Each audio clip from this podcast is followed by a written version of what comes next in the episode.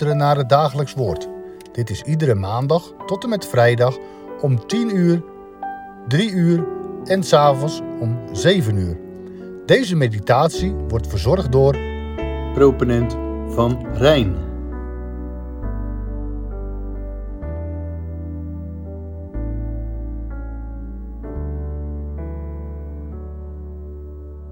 Beste luisteraars, ik lees vandaag met u en met jullie opnieuw de lofzang van Maria uit het Evangelie naar Lucas. En die lezen we in de versen 46 tot en met 55 uit dat eerste hoofdstuk. En daar lezen we: En Maria zei: Mijn ziel maakt de Heere groot, en mijn geest verheugt zich in God, mijn zaligmaker, omdat hij heeft omgezien naar de nederige staat van zijn dienares.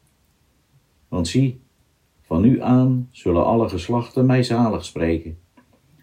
Want hij die machtig is, heeft grote dingen aan mij gedaan, en heilig is zijn naam. En zijn barmhartigheid is van geslacht tot geslacht over hen die hem vrezen. Hij heeft een krachtig werk gedaan door zijn arm. Hij heeft hen die hoogmoedig zijn in de gedachten van hun hart uiteengedreven. Hij heeft machtigen van de troon gestoten en nederigen heeft hij verhoogd. Hongerigen heeft hij met goede gaven verzadigd en rijken heeft hij met lege handen weggezonden. Hij heeft het opgenomen voor Israël, zijn knecht, door aan zijn barmhartigheid te denken, zoals hij gesproken heeft tot onze vaderen, tot Abraham en zijn nageslacht, tot in eeuwigheid. Luisteraars, we luisteren vandaag dus opnieuw naar de lofzang van Maria. En in het bijzonder luisteren we dan naar de versen 51 tot en met 53, waar staat: Hij heeft een krachtig werk gedaan door zijn arm.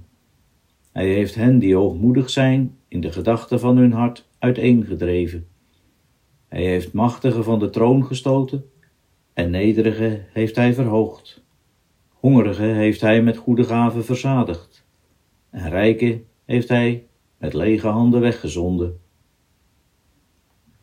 En in gedachten horen we Maria dan zingen.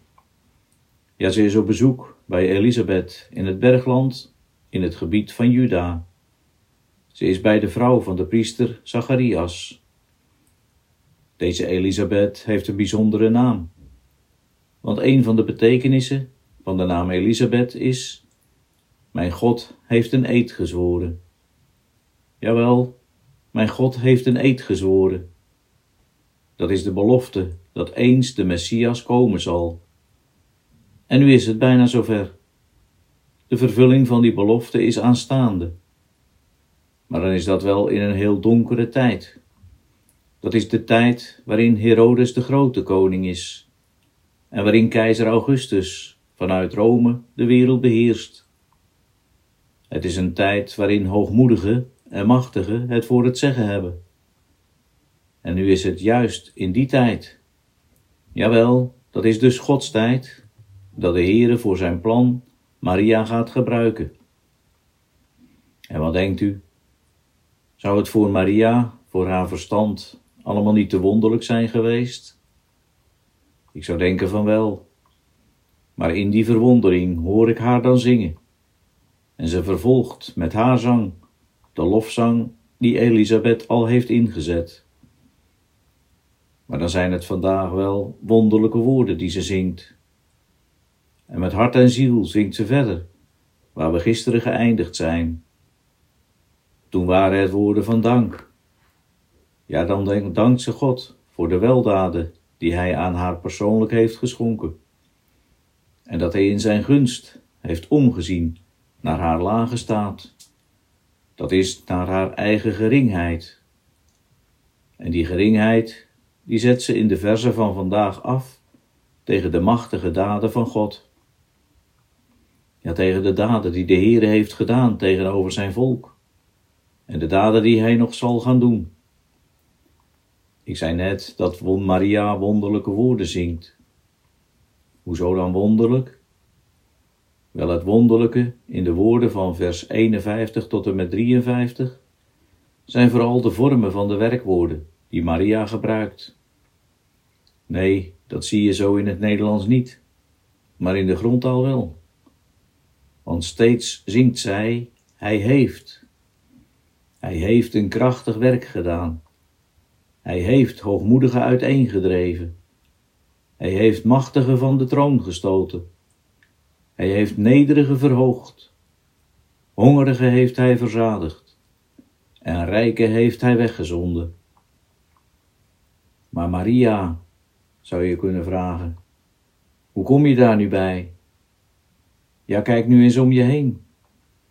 De keizer in Rome heeft het voor het zeggen. Het land is bezet. Herodes regeert hier in Israël en noem maar op. Dat zijn machtige en hoogmoedige.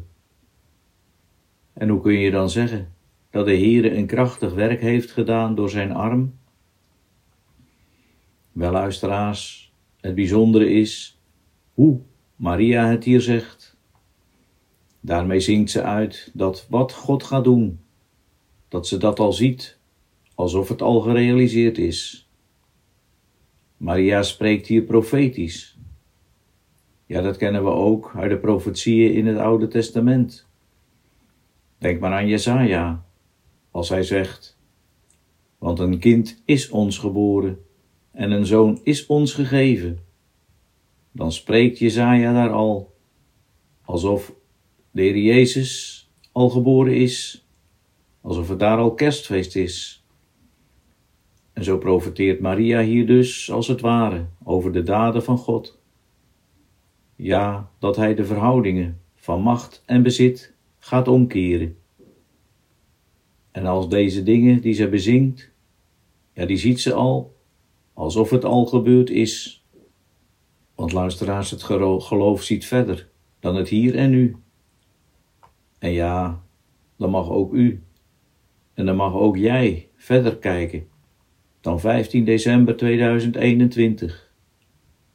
Ja, dan kijken we in geloof, verwachtingsvol uit naar de wederkomst van Christus op de wolken.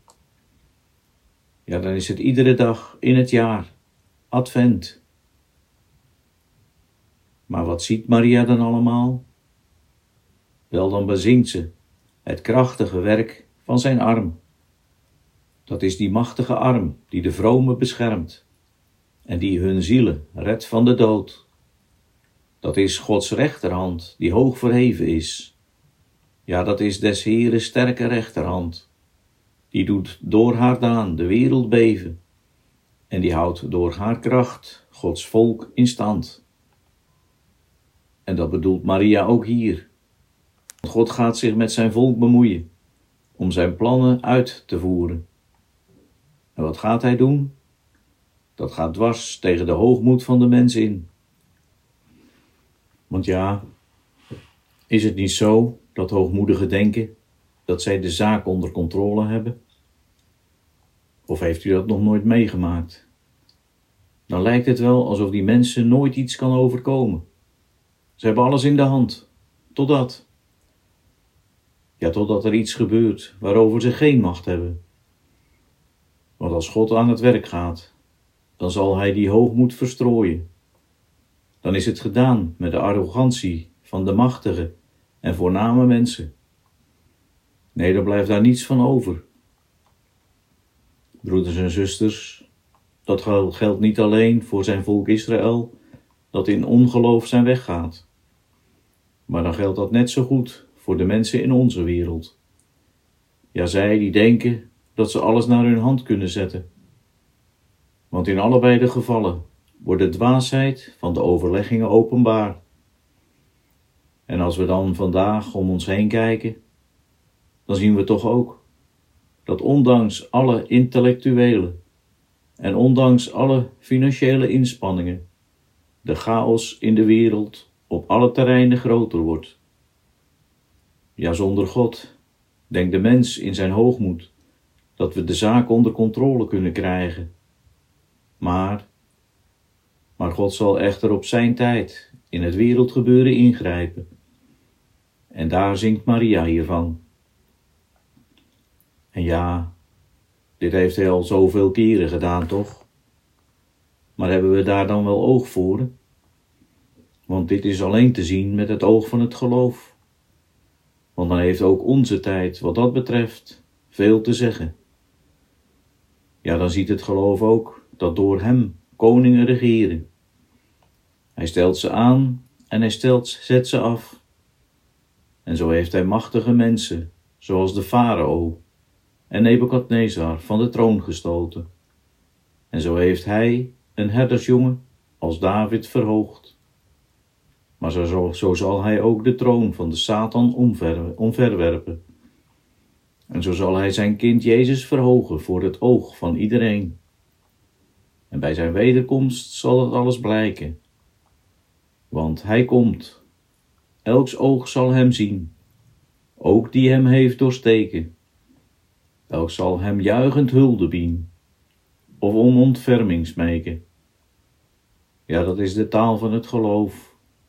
En dat, terwijl de wereld denkt dat ze zelf kan uitmaken wie er regeert. Tot slot, luisteraars, het geeft mij en ik hoop ook u en jou toch rust, als ik eraan denk dat ook de machthebbers geen macht zouden hebben, als God hun die niet gegeven had. Want zei Jezus dat ook niet tegen Pilatus? Pilatus die dacht dat hij macht had om Jezus te kruisigen en om hem los te laten.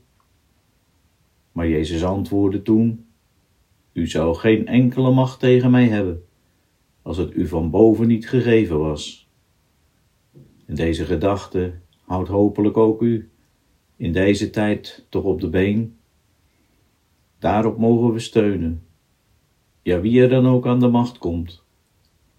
Nee, dan weten we niet wat ons en onze kinderen nog te wachten staat.